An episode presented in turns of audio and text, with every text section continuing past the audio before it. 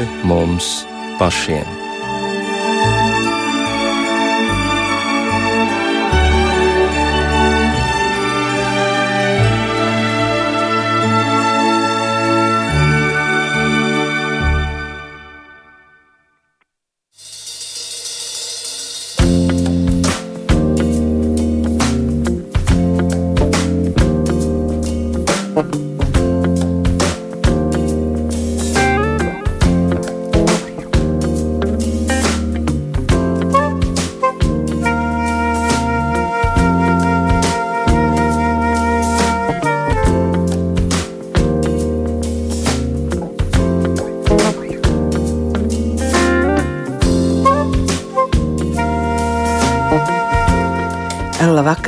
Studijā Rīta Brunēvica skan raidījums pāri mums pašiem. Pie režijas pults Mārtiņš Paiglis.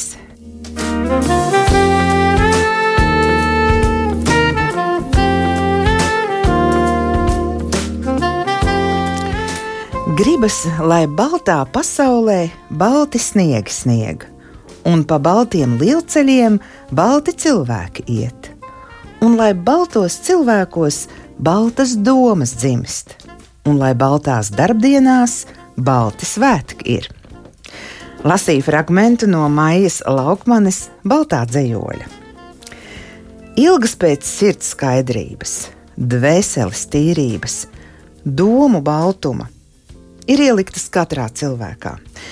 Tikai šajā dzīvē ir daudz putekļu, kas līp klāt, un dubļu, kuros iebrienām. Visi ir grēkojuši, un visiem trūkst dievišķās godības, raksta apustulis Pāvils. Ko darīt? Daudz ir apliecinājuši, ka grēksūdze ir labākā zāles mūsu sirdsmieram un dieva tuvuma piedzīvojumam. Ko sevī ietver grēksūdze? Kā izpaužas grēku nožēlošana? Kādas pārmaiņas grēksūdze ienes cilvēka dzīvē? To vaicāšu šī raidījuma attālinātajiem viesiem. Un tie ir Priesteris Ilmārs Tolstovs. Labvakar! Labvakar! Un Rīgas Āgenskalna Baptistu draugs mācītājs Edgars Mažis. Labvakar! Edgars, tava balss šovakar ir īpaši priecīga, jo šodien tev ir piedzimuši divi mazbērniņi. Jā, tas ir tāds milzīgs prieks. Mēs ar Kristīnu esam kļuvuši par dubultu vecākiem mūsu vecākajam dēlam. Sievai. Tiešām priecājamies un tevi apsveicam. paldies, paldies. Tad jau jāsāk tu būsi. Pierast, jāsāk pierast pie jauna aploā. Tiešām, un tad jau tu būsi mundrs šajā vēlajā vakar stundā. Un es sarunu sākšu ar to, kāpēc vispār ir svarīgi atzīt grēkus mūsu dzīvēm. Un tāda nepatīkama lieta. Labāk jau runāt par visādiem priecīgiem notikumiem, un panākumiem un veiksmes stāstiem un tā tālāk, bet bez šīs lietas no garīgajā dzīvē mēs tālāk netiekam.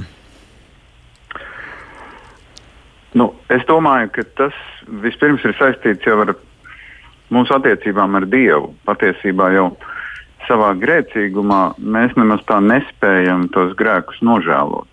Un tāpēc uh, svētais gars nāk palīdzīgā, jo ir Bībelē rakstīts, ka viņš pārliecina arī mūs par grēku, par to, ka mēs esam grēkojuši. Un, un savā, es domāju, nu, tā pilnīgi no tādas labas gribas, nu, es kā cilvēks tagad sūdzēšu savus grēkus. Man šķiet, ka tā iniciatīva nāk no Dieva puses, ka viņš rada to, ko varbūt mēs saucam par grēkapziņu nu, ka es eh, kaut kādā veidā varu ieraudzīt, ka es esmu darījis kaut ko sliktu un, un vispirms jau Dievu priekšā un arī cilvēku priekšā. Mm, Ilmār, ko tu vari piebilst pie tā, kāpēc ir svarīgi atzīt grēkus? Mm, nu, man tā šķiet, ka ir jau, jau redzams tas, ka, e, piemēram, Latvijā pirms kristīgās ticības bija mm, ciltis, cilvēki, kas apzinājās to, ka viņi ir piemēram izdarījuši kādu ļaunumu vai e, pārkāpuši kaut kādus viņu prātu pašu tos likumus, kāda bija tajā ciltī, vai arī jūta piemēram kādu e, atbildību pret dievību vai pret ko. Mēs redzam, ka daudzās situācijās bija tādi upuru um, akmeņi, upuroza un nu, tajā pagānu sistēmā. Līdz ar to cilvēkam pat ja viņš pat nav kristietis, viņš, viņam ir šī sirdsapziņa, viņš jūt, ka uh, savā sirdsapziņas dziļumos, ka viņš ir izdarījis kaut ko sliktu. Un līdz ar to uh, nožēlot savus pārkāpumus, lūgt atdošanu, pat tīri tādā nu, cilvēciskā plāksnē, es domāju, ka cilvēks to savā sirdī jūt.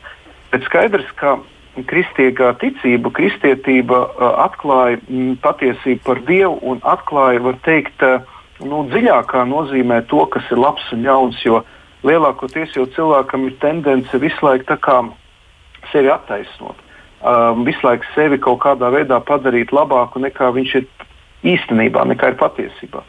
Jo Kristus jau pats ir patiesība, viņš atklāja e, patiesību par mums pašiem, par attiecībām ar mūsu tuvākiem un patiesību arī um, par Dievu. Un līdz ar to grēku nožēla, grēku atzīšana, tas vienmēr ir process, kurš, kurš nav tāds statisks. Jo mēs jau paši savas dzīves laikā piedzīvojam to, ka laika gaitā mēs pēkšņi atklājam kaut kādu lietu savā dzīvē, kur iepriekš mēs nemaz neesam uzskatījuši par grēku, kur mēs esam uzskatījuši, ka mēs esam rīkojušies pareizi. Un tāpēc, uh, lasot dievu vārdu, esot kristīgajā kopienā, ejot garīgās dzīves izaugsmes ceļu, Dievs uh, pakāpeniski ieved mūs ar vien dziļāk uh, patiesībā, uh, apziņā par grēku, par to, kas ir labs, kas ir slikts. Un līdz ar to arī padziļinās mūsu attiecības ar Dievu, jo atsakoties, nožēlojot grēkus, mēs nonākam tuvāk Dievam. Jā, domājot par grēku, tiešām ir daudz pārsteigumu par mums pašiem. Ja? Šķiet, ka viss ir kārtībā, un tad, kā tu teici, vienā brīdī.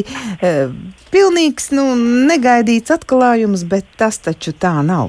Un būtībā tas saskan arī, ko Dāvids saka um, 19. psalmā, kas gan apzinās savu nomaldīšanos, vai ne? Un, un Tālāk runājot par to, kas ierosina cilvēkā grēku sūdzu, tu jau Edgar iesāk teikt, ka tā ir, tas ir Dievs, jo iniciatīva nāk no viņa. Bet, bet cilvēkā pašā, nu, varbūt kādam tā ir kāda vainas izjūta, varbūt kāds ir sācis lasīt bībeli un viņam ir zināšanas par garīgiem likumiem, un tas aizved līdz grēku sūdzēji. Nu, Kā, kā šķiet, parunāsim plašāk par šo ierosinātāju uz grēku sūdzi? Nu, es varu teikt, ka tā ļoti personīgi manā dzīvē tas bija man 14 gadu vecumā. Es zinu, ka teiksim, nu, mūsu baptistu tradīcijā ir tas uh, varbūt akcents likts uz to, vai tu esi atgriezies no saviem grēkiem. Ar to saprotot kādu īpašu piedzīvojumu ar Kristu. Un man uh, jau kaut kur no 12 gadu vecuma jau nu, katru reizi, kad baznīcā par to tika runāts, nu, kad mācītājs aicināja varbūt iznākt priekšā uz grēksūdas lūgšanu, tad, tad man bija tāda nevaldāma vēlme to darīt, bet tajā pašā laikā bija kaut kāds iekšējs spēks, kas traucēja, un es paliku savā vietā.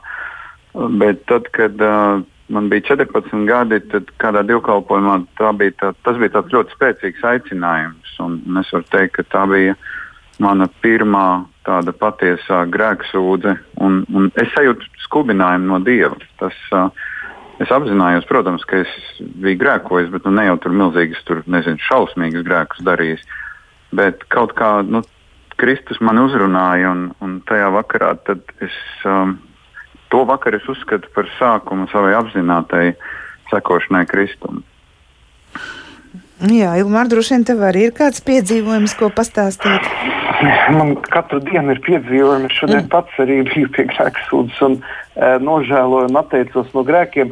E, es no savas puses varu teikt, ka man kāda, nu, jau senāk un arī tagad joprojām ir visu laiku tas jautājums, ko, ko mēs šodien arī draudzē svētdienas dievkalpam pārdomājam par to, ka daudz cilvēki jauc e, grēku nožēlu ar tādu mazvērtības kompleksu, jeb sevis nicināšanu.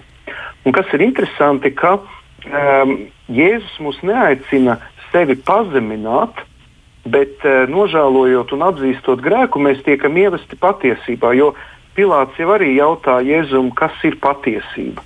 Un uh, Kristus atklāja patiesību par mums pašiem, un līdz ar to mēs atgūstam savu zaudēto dievu bērnu identitāti. Šodien mums uh, bija skaists lasījums, kur Jēzus iet tuksnesī uh, kopā ar zvēriem un eņģeļi viņam kalpoja, tas nozīmē, ka Jēzus ienāk mūsu grēka tuksnesī, jeb tuksnesī, ko ir, ir izveidojis grēks, kas ir pretstats paradīzes dārzam. Ja, tātad paradīzē eh, visi dzīvo kopā, ir absolūta harmonija, un tad ienāk grēks un ienāk tuksnesis. Un Dievs nevēlas mūs tā kā pazemot.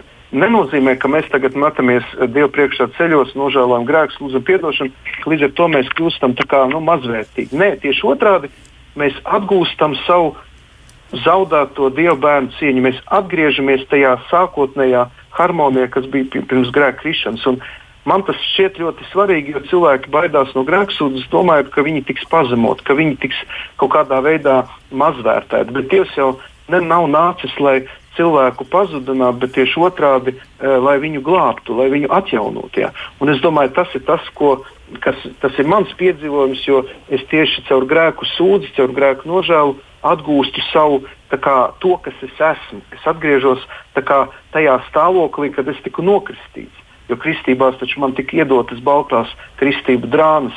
Es taču biju atzīmis kā dieva bērns, un grēks mani aptraipa, un es atkal vēlos atjaunot šo dieva bērnu stāvokli.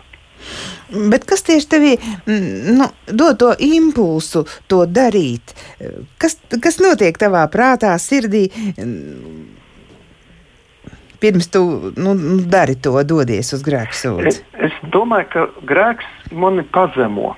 Jo ļaunam, ļaunajam garam ir mērķis caur kārdinājumu e, ievainot e, to dieva attēlu, pēc kura mēs esam radīti, pēc dieva attēla līdzības. Un katrs cilvēks, kad viņš padodas kārdinājumam, tad tajā brīdī, kad viņš izvēlas grēku, tad grēks šķiet ļoti salds un, un, un ļaunais arī stāsta. Viņš e, stāsta, ka ja tu izvēlēsies grēku, tev būs labi, tu tur būsi iepriecināts, tev būs tas, tev šis, jo, jo tu, tev, tev jau, mums jau tiek samelots. Ļaunais, kad kādu viņš samelo, viņš ir melu tēvs, un tad, kad mēs iekrītam grēkā, pēc tam seko liela vilšanās. Nāk kauns, nāk uh, tāda varbūt kaut kur pat bezcerība iezogas, jo liekas, nu kā tā kā, kā tā es atkal pievīlu Dievu, pievīlu savu tuvāko. Ja? Un tad seko šis pazudušā dēla ceļš es celšos un iešu pie sava tēva, es gribu būt atkal viņa tūmā. Un mums katoļu baznīcā ļoti būtiski, ka tad, kad mēs izsūdzam grēkus, mēs tiekam atjaunoti tajā svētdrošā žēlstības stāvoklī. Mēs atgūstam tās žēlstības, kuras mēs pazaudējam grēkojot. Un ne jau mēs tās atgūstam, bet Kristus ir tas, kas mums viņš dāvina. Jo mēs jau ne jau paši sevi atpērkam, atpestījam, bet Kristus caur savu svēto krustu, caur savām svētajām astīm mūs ir atjaunojis.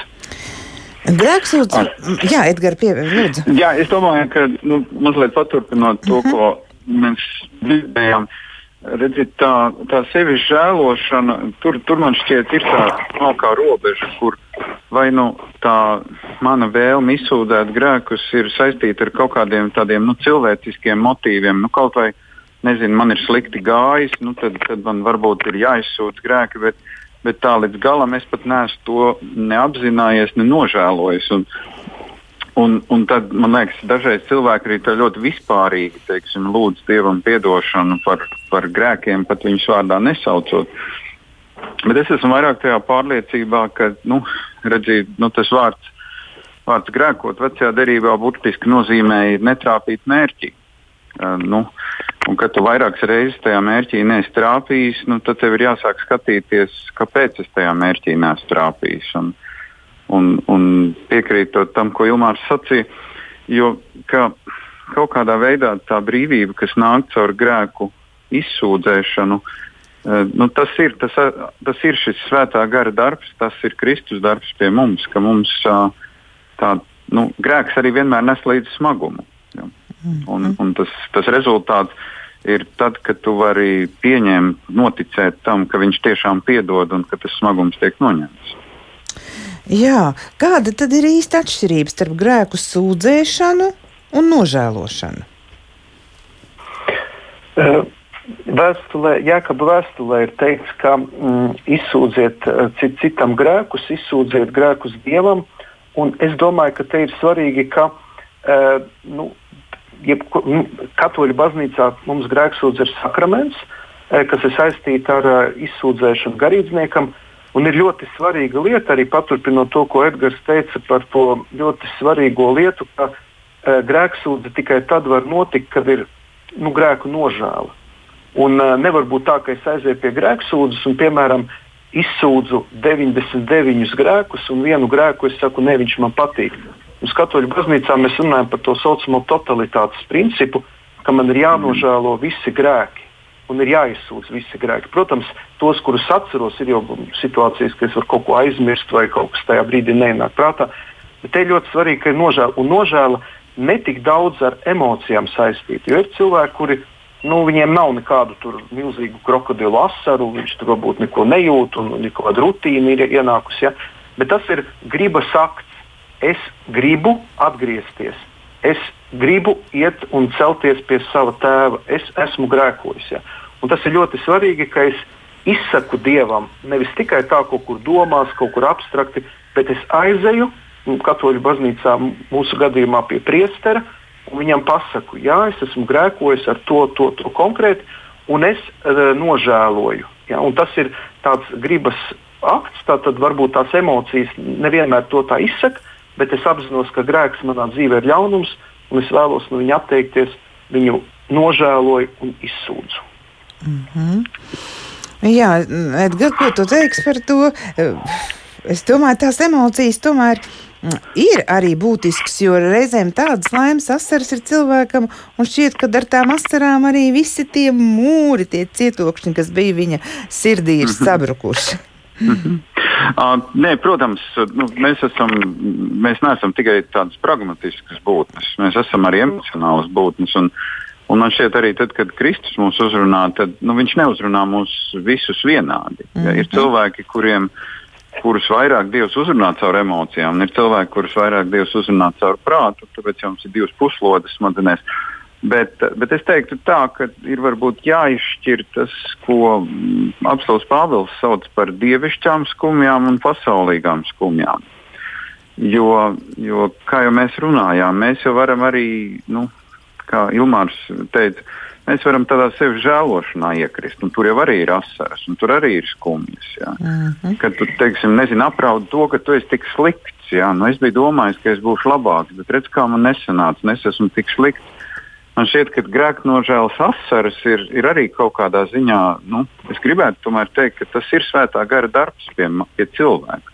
Kad, mm. kad tu tā rīktīgi apzīst, atzīsti to, jā, es, es esmu grēkojis, kā Dārvids saka, 51. psalmā, Viņš bija grēkojis pret Batsebu un Ūriju, bet viņš saka, es esmu tik pret tevi Dievs grēkojis. Ja, tas vairs nav pat tādā cilvēciskā līmenī, ka es, ka es saku, Dievs, es esmu tevi sāpinājis, es esmu tavu sirdi sāpinājis ar savu grēku. Mhm. Jā, es domāju, tas ļoti būtiski skar cilvēka garīgo pasauli. Ja? Jo arī teikts, ja gars jūs darīs brīvus, jūs patiesi būsiet brīvi. Nu, nu tā, ja es pareizi atceros to rakstu vietu. Jā, Ilmār, tu jau ieskicēji, ka mm, jūs, jums katoļu baznīcā grēku sūdzēšana mm, notiek. Mm, nu, pie mācītāja jūs dodaties, pie priestera. Bet grēku sūdzes var būt dažādas. Tās var būt privātās, protams, tās var notikt kopā ar uh, mācītāju, kā arī ar citiem cilvēkiem. Kā zināt, kādu veidu izvēlēties? Uh, ļoti interesanti, ka pirmajos gadsimtos uh, Eh, tie, kas bija izdarījuši kādus smagus grēkus, viņiem bija jānāk eh, kopienas priekšā un publiski šie grēki jāizsūdz. Jo pirmajos gadsimtos kopiena eh, tīri, tīri tādi burtiski saprata jēkaba vēstules vārdus, izsūdziet citam grēkus. Bet tomēr laika gaitā ejot, jā, un, un kopiena bija tā, kas izlēma, vai šo cilvēku uzņemt atpakaļ vai nē. Un bija tādi gadījumi, ka, piemēram, cilvēkam par kādiem smagiem grēkiem vajadzēja veselu gadu raudāt pie baznīcas sienas, viņu nelaida iekšā dievkalpojumā. Viņam vajadzēja raudāt un nožēlot grēkus, līdz kamēr kopiena, kā saka, labvēlējās viņu uzņemt atpakaļ tajā evaharistiskajā, jeb tajā mīlestības kopībā.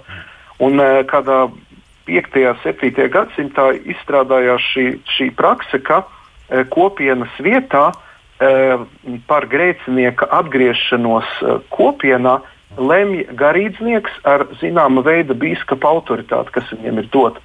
Un tā katoļu baznīcā un arī savā veidā pareizcīgo baznīcā izstrādājās tas princips, ka priesteris ar nu, mums katoļu baznīcā tādu violētu lentu, to sauc par stolu, viņš eh, tajā biktskrēslē, jeb speciālā tādā grēku sūdzes kabīnē, viņš saka tā, teksts apmēram tāds, ka Dievs tev ir piedevis, un es arī tev piedodu un uzņemu atpakaļ tevi katoliskajā kopībā. Un tāpēc uh, priesteris simbolizē kopienu, kura pazudušo dēlu un meitu grēcinieku uzņem atpakaļ ģimenē, katoliskajā ģimenē. Jo izdarot smagu grēku, cilvēks pats sevi izslēdz no šīs kopības.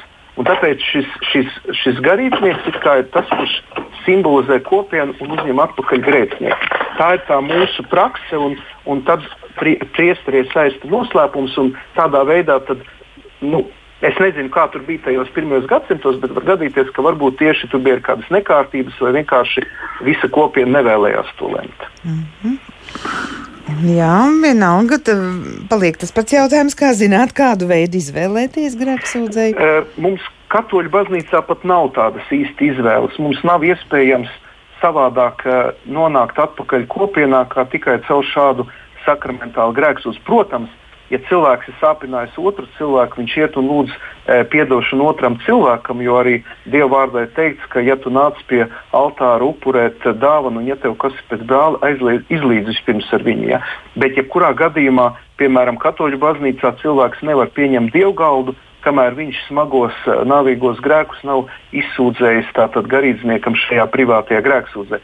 Vispārēja grēksūdze ir pieļaujama tikai ļoti atsevišķos gadījumos, kad ir kaut kādas katastrofas, kaut kādi tādi biskupi var dot tādu atļauju, dot vispārēju grēku sūdzību. Jā, Edgars, kas tev sakām šā, šajā sakarā? Nu, redziet, protestantu tradīcijā laikam tas lielākais akcents ir likts uz cilvēku individuālo grēksūdi, respektīvi uh, savas sirds izmeklēšana un, uh, un grēku izsūdzēšana Kristum. Uh, tad, protams, ir arī domāju, šī grēksūdas elements, kas tāpatās kā katoļu misē ir arī, arī dievkalpojumā, dievkalpojuma sākumā. Un tad ir arī, protams, iespēja arī izsūtīt grēkus mācītājiem, uh, atnākot pie viņa un, un vienojoties par, par tikšanās laiku. Uh, bet uh, nu, kaut kādā ziņā es teiktu, ka tas. Um, ka tas akcents ir uz to, ko Pāvils saka uh, korintiešu vēstulē, kad viņš saka, bet, lai cilvēks pats sev pārbauda un tad lai viņš nāk pie, pie kunga galda un, un tad lai bauda kopā ar citiem. Uh, un, uh, un tajā ziņā tās, tās varbūt ir atšķirības no, no katoļu baznīcas, un, bet tas akcents uz sevis pārbaudīšanu un, un uz salīdzināšanos ar Dievu, tas uh, vismaz daļā baptistu tradīcijas ir, uh, ir ļoti stingrs un akcentēts.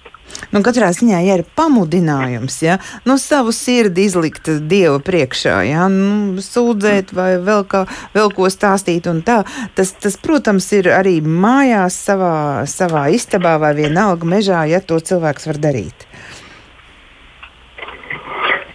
Es vēl no savas puses tiešām gribu teikt, ka e, ļoti būtiski ir cilvēka personiskā atgriešanās, un arī, ja viņš piemiet katoļu baznīcā pie biktskrēsla, ir ļoti svarīgi, lai patiešām būtu e, labi izmeklēta sirdsapziņa, lai cilvēks būtu labi pārdomājis to savu dzīvi un arī um, nācis pie šī priestera un arī uz grēksūdzes tiešām jau ar tādu uh, personīgu grēku nožēlu un arī šīm personiskām attiecībām. Jo es domāju, šeit ir tieši tā, tā saskarsmes punkts starp katolisko un protestantisko tradīciju, ka mums bieži vien grēksūdzi pārvērtusies par tādu uh, rituālisku automātismu, ka cilvēks domā, ka viņam automātiski pienāks grēku piedošana, ja viņš aiziet uz to būdiņu, kaut ko pastāsta, priesterīts pieklāvē mm. un viņam viss kārtībā. Ja.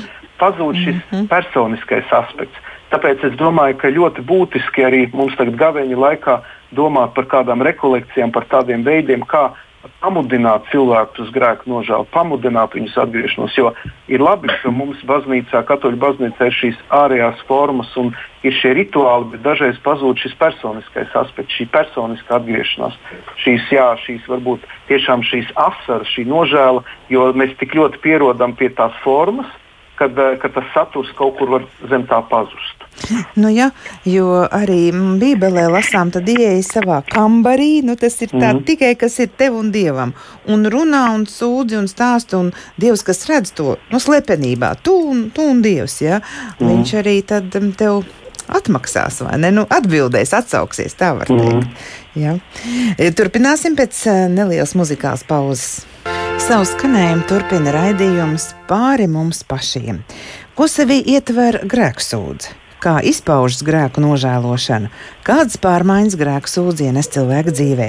Par šiem jautājumiem mēs e, runājam ar raidījuma viesiem, kuri piedalās sarunā pa telefonu, un tie ir Rīgas Āgens Kalna Baptistu draugs mācītājs Edgars Mažis un priesteris Ilmārs Tolstovs. Ilmāra, tu jau stāstīji, ka katoliskajā tradīcijā cilvēks sūdz grēkus priesterim, bet pirms tam viņam ir mājās arī nu, pašam jāsagatavojas, jāpārbauda, jāizmeklē sevi un arī varbūt personīgi, protams, saruna ar Dievu par nu, tiem jautājumiem, kas cilvēkam nu, tādu smagumu sirdī rada. Bet um, Bībelē rakstīts, ka izsūdziet cit citam savus grēkus. Labi, tas varētu būt priesteris, bet tikpat labi varētu arī būt kāds cits cilvēks. Un te nu rodas jautājums. Mm, cilvēks grēksūdzē uztic savus noslēpumus, un tāpēc, manuprāt, vajadzētu būt uzmanīgam, jo ne jau visi ir spējīgi, nu, kā piemēram mācītājs, to paturēt pie sevis, ja ko otrs stāsta. Kā tad zināt, pie kura griezties, ja gribas kādam nu, cilvēkam izsūdzēt grēkus? Es, nu, mācītājs tas ir skaidrs, bet ja gribas pie kāda cita aiziet un, un veikt teiksim, šo grēku sūdzi? Nu, kā es vēlreiz uzsveru, Katoļu baznīcā nav iespējams, ka cilvēks varētu aiziet nu, pie otra cilvēka. Vienkārši viņš var, protams, izsūdzēt grēkus, bet viņam netiks dota tā absolūcija, grēka piedošana. Tas ne, nu, nozīmē, ka viņš nevarēs kā, tikt atbrīvots tādā kopienas izpratnē. Bet es gribu pateikt, ka Katoļu baznīcā e, grēksūdzes noslēpums priesterim ir absolūts. Un, piemēram, Latvijas Republikas likumdošanā ir iestrādāts tāds fakts, ka katoļu priesteri ir aizliegts pratināt tiesas procesā um, tajā matērijā, kas skar grēksūdzes noslēpumu. Tas ir iestrādāts arī Latvijas Republikas likumos. Līdz ar to uh, priesterim nav uh, nekāda, nekāda situācijas, absolūti nekāda situācijas, ka viņš var uh, atklāt grēksūdzes noslēpumu. Un tas rada to nu, savu veidu drošību un arī uzticēšanos uh, ka mm, tie, tie cilvēki draudzē, viņi e, patiešām dodas pie šī priestera, un, kā jau teicu, šis priesteris nedarbojas savā personiskajā um, nu, spēkā. Viņam ir autoritāte no dieva caur kopienu. Un, atšķirībā no protestantu tradīcijas, katoļu baznīcā ļoti, ļoti spēcīgi uzsvērts šis baznīcas, jeb kopienas aspekts, ka, ka, ka, ka cilvēks tiek atkal uzņemts tā kā kopienā. Viņš var arī pieņemt dievgaldu, kas ir komunija, tātad no latīņu vārds tātad vienotība, šis sakraments, šī dieva maize, un tādā veidā viņš nonāk kopībā. Un tāpēc, protams, ka mēs varam lūgt atdošanu otram draudzes loceklim, mēs varam arī izstāstīt savas bēdas, izsūdzēt, kā saka, savus grēkus, bet tādu, nu, tādu sakramentālu atdošanu, jeb tādu atdošanu tieši baznīcas izpratnē, cilvēks var saņemt tikai no priestera, pie tam arī viņam ir jāsaņem atļauja no biskupa, jo ir piemēram gadījumi, ka var būt priesteris, bet viņam nav dota speciāla atļauja izsūdzēt grēkus, vai viņam tā var tikt arī atņemta, ja viņš, piemēram, grēksūdzē sāk kaut kādas tādas lietas darīt, kuras nav atbilstošas saistībā ar, ar, ar to dievu likumu un baznīcas mācību. Tātad, nu, tā, tā, tā mm -hmm. lieta katoļu baznīcā saistībā ar grēku sūdzi Eh, viņi ir ļoti strikti sakārtot un, var teikt, nepieļauj nekādas tādas nu, lietas, kas varētu cilvēkam kaut kādā veidā kaitēt. Nu, vismaz tas ir mēģināts darīt tā, lai tur būtu diskrētums, lai tur būtu šis grēksūdzes noslēpums un lai cilvēki varētu ar atvērtu sirdi uzticēties garīdzniekam un izsūdzēt savus mm -hmm. grēkus. Skaidrs, un, un kā ir citās draudzēs? Uh, Nu, redzi, es domāju, šī jēkaba vēstules raksturiet, izsūtiet cit, citam savus grēkus. Uh, protams, runā par šo, nu, domāju, pirmo kristiešu pieredzi, ka pirmkārt jau draudzes bija ļoti mazas. Es domāju, nu, tā sākotnēji varbūt tā bija tāda, tāda paliela mazā grupa. kur cilvēki viens otru ļoti labi pazina, kur cilvēki uzticējās viens otram un, un kur nu, tā bija kopība, kuru tad nu, nestaigāja apkārt pa mājām, stāstīdam, redz, ko tas tur ir izsūdzējis vai pateicis. Uh, arī šodien es domāju, ka ir mēģinājumi veidot šādas kopienas protestantu tradīcijā, nu, ka teiksim, mēs, mēs dzīvojam ļoti cieši, cieši kopā un, un mēs dalāmies ar visu, un tā skaitā arī ir grēku sūdzēšana. Uh, bet es domāju, ka te varbūt ir tas, uh, nu, tā varbūt piesardzība un reizē arī bīstamība, ka, nu, jā, ja priesteris un mācītājs ir zem šī konfidencialitātes solījuma, tad nevienmēr šo konfidencialitātes solījumu spēj turēt uh, vienkāršie draudzes locekļi. Mm -hmm. Jā, dažreiz tas ir tāds no sērijas, nu, es tad padalīšos ar kādu, lai mēs varam par to brāli aizlūgt, jo redz, viņam mm -hmm. tāds grēks ir. Un tad rezultātā tas aiziet pa lielu apli. Jā, tas, mm -hmm. Es pats atceros vienu situāciju pirms daudziem gadiem. Uh, arī kādā mazākā grupā es uh, dalīju līdzi. Mums uh, liekas, bija kāds, kāds konflikts ar Kristīnu. Un, un, un, nu, mēs lūdzām kopā, un tad pēc kādām citām man cits cilvēks nāca, kurš nemaz tajā grupā nebija klāts. Viņš teica, vai tiešām jūs ar Kristīnu šķiraties? Jā, es dzirdēju, ka jūs, jūs šķiraties. Jā, un, un tas varbūt parāda to, ka tādā varbūt nu, uh, tur ir vajadzīga liela uzticēšanās arī, nu, lai izsūdzētu otram cilvēkam grēkus. Un, un, un, protams, mums ir, mums ir vajadzīgs, vajadzīgs bieži vien šis cilvēciskais faktors, kaut gan mēs varētu pat taisnu sūdzēt Jēzumu. Uh, Ričards Fosters saka ļoti interesanti. Viņš saka savā grāmatā Celebration of Discipline par grēksūdi. Uh, Viņš saka, ja cilvēks ir atnācis un grib tev savus grēkus izsūdzēt, noliec starp sevi un viņu Kristus krustu, krucifiksu. Un nešausminies, ja cilvēks stāsta, jo Kristus ir miris par visu mūsu grēkiem. Un, un tai attieksmei būtu jābūt iejūtīgai un žēlsirdīgai, uzklausot, kad cilvēks ir atvēries un uh, sūdz savus grēkus. Mm -hmm. Gadās jau arī tā, ka mēs izsūdzam savus grēkus un darām atkal to pašu. Un tad tā ir grēku nožēla bez īstas atgriešanās, kā jūs domājat? Vai tā nav tāda spekulēšana ar dievu žēlastību? Nu, es parasti saku tā, ka nu, man arī tā ir bijis, kad es eju pie grēksūdzes, liekas, viens tos pašus grēkus atkal sūdzu, un es esmu tā, nu, atņēmies, un ka es to nedarīšu. Bet es domāju, tāpat kā mēs tiekam nemitīgi kārdināti un varbūt krītam grēkos, tikpat Dievs ir mīlestības un uzticības pilns, ka Viņš nemitīgi atkārto savus uzticības vārdus.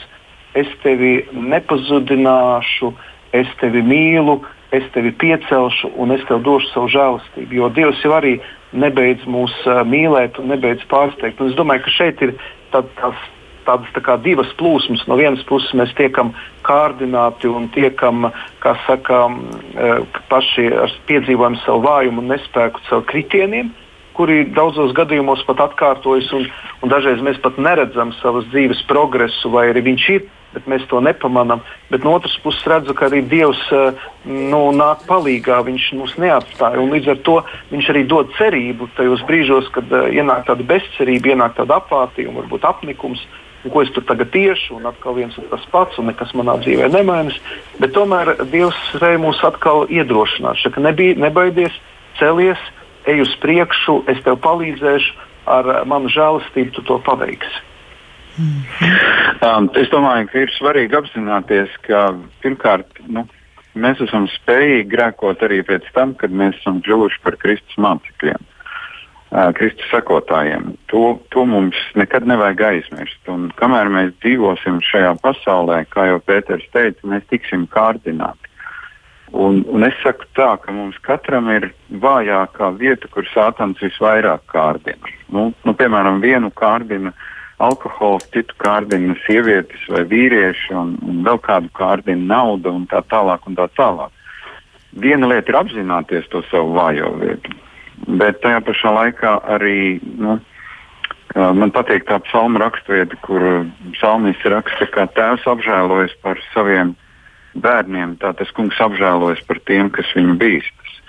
Uh, es varbūt uh, nesauktu to par tādu nu, dieva žēlastības uh, nu, -huh. tādu necienīgu lietošanu, bet es drīzāk teiktu tā, ka ir lietas, pret kurām mums ir jācīnās visu dzīvi. Uh -huh. Visu dzīvi. Un, un es, es varbūt salīdzinātu, teiksim, kristiešu izaugsmi nevis tādā ziņā, ka mēs pat taisno uz debesīm, bet ja sākumā tās amplitūdas ir tādas starp, starp tādu it kā dzīvošanu bez grēka un tad atkal krišanu ir tādas ļoti dziļas, tad kā tādi jūras viļņi, tad kaut kur procesā varētu būt tā, ka šie, šie viļņi kļūst mazāki.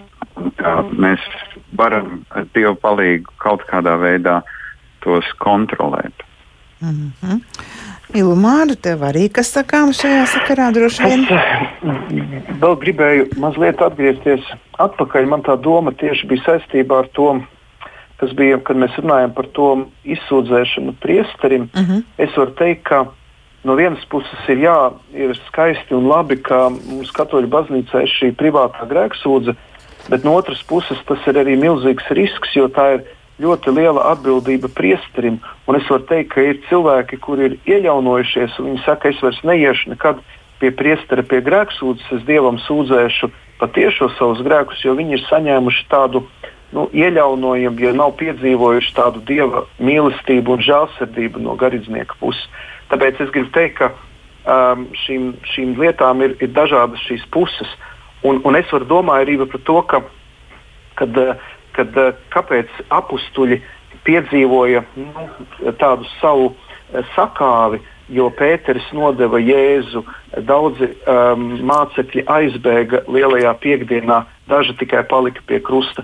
Un es domāju, ka uh, mēs caur šiem kritieniem, ko Dievs mūsu dzīvē pieļauj, Viņš dara mūs pazemīgākus, jo dažreiz arī svētajos rakstos teikts, lai tie, kas stāv, lai pielūko, ka nekrīt, vai arī jūsu ticība ir māla traukos ielikt ka bieži vien mēs caur to, caur to savu vājumu un to, ka mēs tiekam kārdināti un varētu teikt, ka Dievs pieļauj to, ka mums ļaunais gars uzbrūk, caur to mēs ieejam dziļākā pazemībā, jo mēs arī katrs izējam cauri savai, savam lieldienu notikumam, cauri lielajai piekdienai, caur lielās sestdienas nomiršanai, caur šo kenozu, caur šo noiešanu dziļumos un tad augšām celšanos.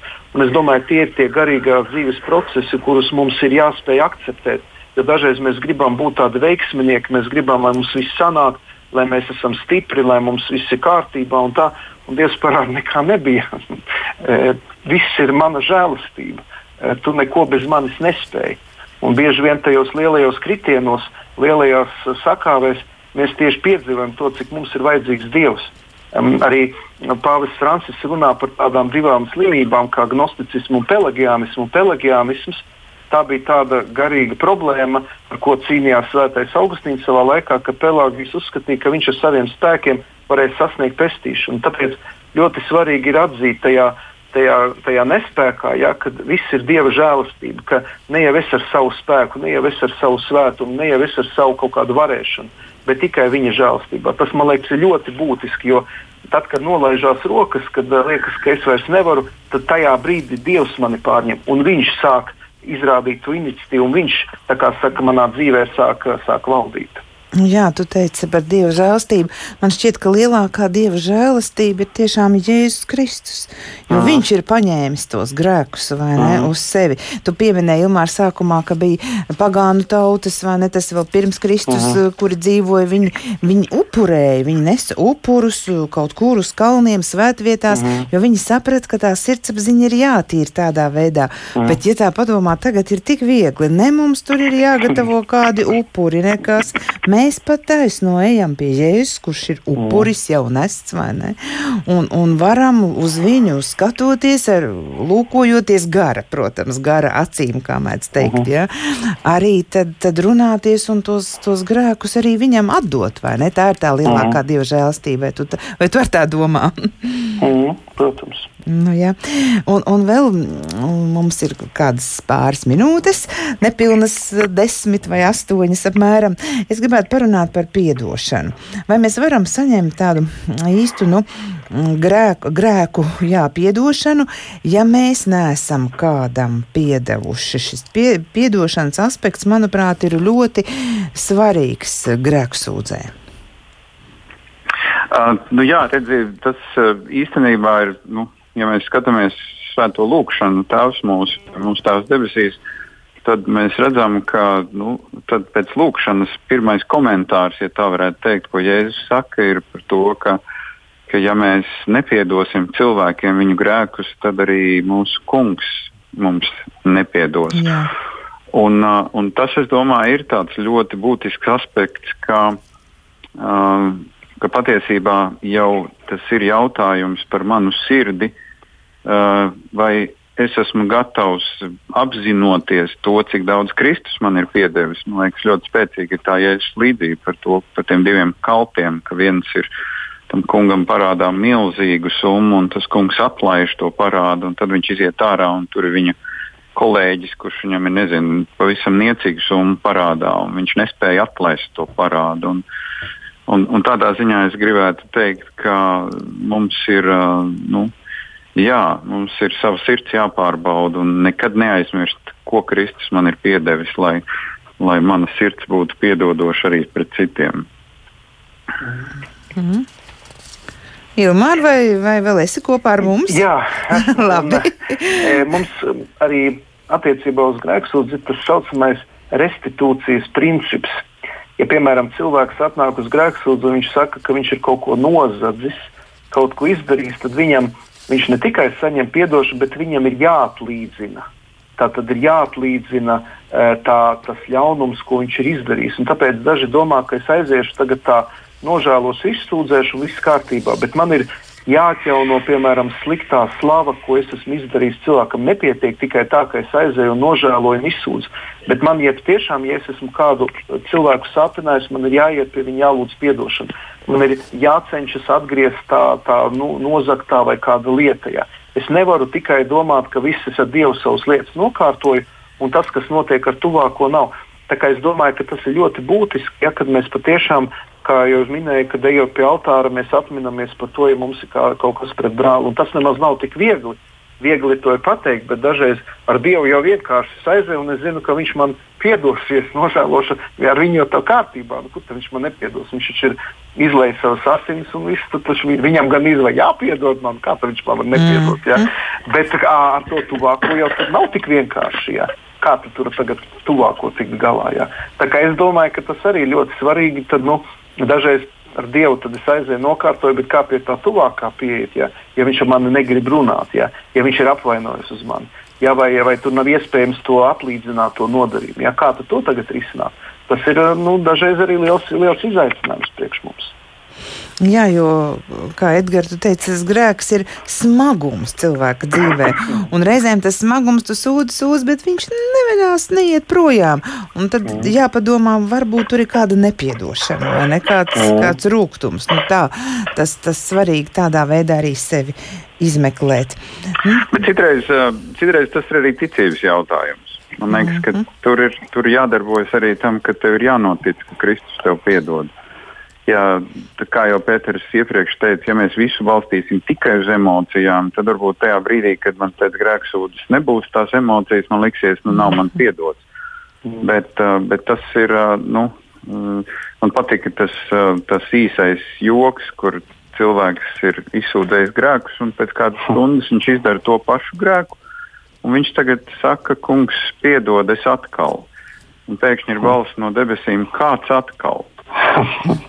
respektīvi, respektīvi, ja Kristus mums piedod, tad viņš mums to neatgādina. Un mm. Mēs paši sev bieži vien turam tādu izsūdzētu grēku važās, un, un no tā mums kaut kā ir jātiek vaļā. Mm. Jā, mums ir Dieva vārds, uz kuru balstīties, vai ne? Kad, jo viņš ir uzticīgs un taisnīgs rakstīts, un ja jūs izsūdzat, tad, tad viņš jums arī piedod, un mēs atšķiram šo Dieva vārdu, izlasām, un tas ir jauna āmeni. Jo, bet tur, piemēram, ir interesanti, ka, protams, ka cilvēki, kuri ir izdarījuši lielus grēkus, pārkāpumus. Es zinu, ka piemēram cilvēki, kuri ir izdarījuši abortu, viņiem ir pēc tam tas pēcaborta sindroms, un viņi ļoti ilgi dzīves laikā nespēja kā, sev piedot. Nespēja to akceptēt. Un ir tā, ka, mm. kā mēs šeit runājam, viens ir sevi žēlošana, bet otrs ir tā vainas apziņa. Un es domāju, ka šeit ir klātesošs arī šis psiholoģiskais aspekts, ar ko strādā arī psihologi. Jo viens ir tas, ka Dievs man ir piedevis, bet kā tālāk tikt ar to vainas apziņu? Skaidrs, ka ticībā es tam eju pāri, un ticība man saka, ka Kristus man ir piedevis, bet cilvēks ir tik ļoti bijis sāpināts un tik ļoti cietis no tā grēka, ka tā, ka tā vainas apziņa, ka tas ka tas, ka tas nu, sevis tā ienīšana ir tik dziļa. Un tāpēc tur ļoti vajadzīga dziļa dziedināšana. Cilvēki, kuri visu dzīvi nespēja tikt galā ar, ar vainas apziņu, ar, ar tām atmiņām, ar sāpēm. Un, un, un tas ir arī katra personīgs ticības ceļš, lai Dievs varētu dziedināt līdz dziļumam, lai cilvēks patiešām varētu akceptēt. Jā, ka Dievs man ir piedevis un ka šī vaina man ir noņemta un ka es varu arī sev piedot beigu beigās, jā, ka man vairs nav sevi jātiesā par to. Mūsu raidlaiks jau aizrita vēl viena minūtīte katram. Tad kādas pārmaiņas grēksūdz ienes cilvēka dzīvē? Es domāju, ka cilvēks var iztaisnot savus plecus, tā arī pat fiziski. Jo nu, grēku sagrauzt cilvēks ir tāds nu, mazliet sagumis. Ja? Bet tad, kad tev ir piedots, tu vari pacelt savus acis, tu vari slavēt Dievu, tu vari uzlūkot pasauli ar citām acīm. Tas, tas ir tas uh, lielākais iegūms no grēksūdzes. Jā, un nāk prātā vēsture romiešiem, kuri teica, ka grēka alga ir nāve, eh, bet dieva žēlstības dāvana ir dzīve Jēzu Kristu un tā brīvība. Un es domāju, ka mums ir dots apsolījums, ka ja mēs nožēlojam un izsūdzam grēkus, tad Dievs mums dod šo brīvību. Mēs, mums ir Dieva valstība jau klāt ir pienākusi. Jo šodien arī Marka evanģēlē Jēzus saka, nožēlojiet grēkus un ticiet evanģēliem. Dieva valstība ir tūlīt klāt pienākusi. Un tas nozīmē, ja es eju šo atbrīvošanas ceļu, es patiešām iegūstu brīvību gan šeit, šajā pasaulē, gan arī, protams, man ir šis apsolījums par mūžīgo dzīvi. Un es vēl nobeigumā Ilmāra atgādināšu tevis teiktos vārdus, ka grēku nožēla nav sevis nicināšana. Mm. Tā nav mazvērtība. Mēs netiekam nekādā mērā pazemināti, bet mēs atgriežamies sākotnējā harmonijā. Es saku lielu paldies raidījuma dalībniekiem. Pa telefonu sarunā piedalījās priesteris Ilmārs Tolstovs un Rīgas Agenskalna Baptistu draugs mācītājs Edgars Mažis. Ar viņiem sarunājās Rinta Bružēvica, par raidījumu skanējumu rūpējās Mārtiņš Paeglis. Ar labvakaru!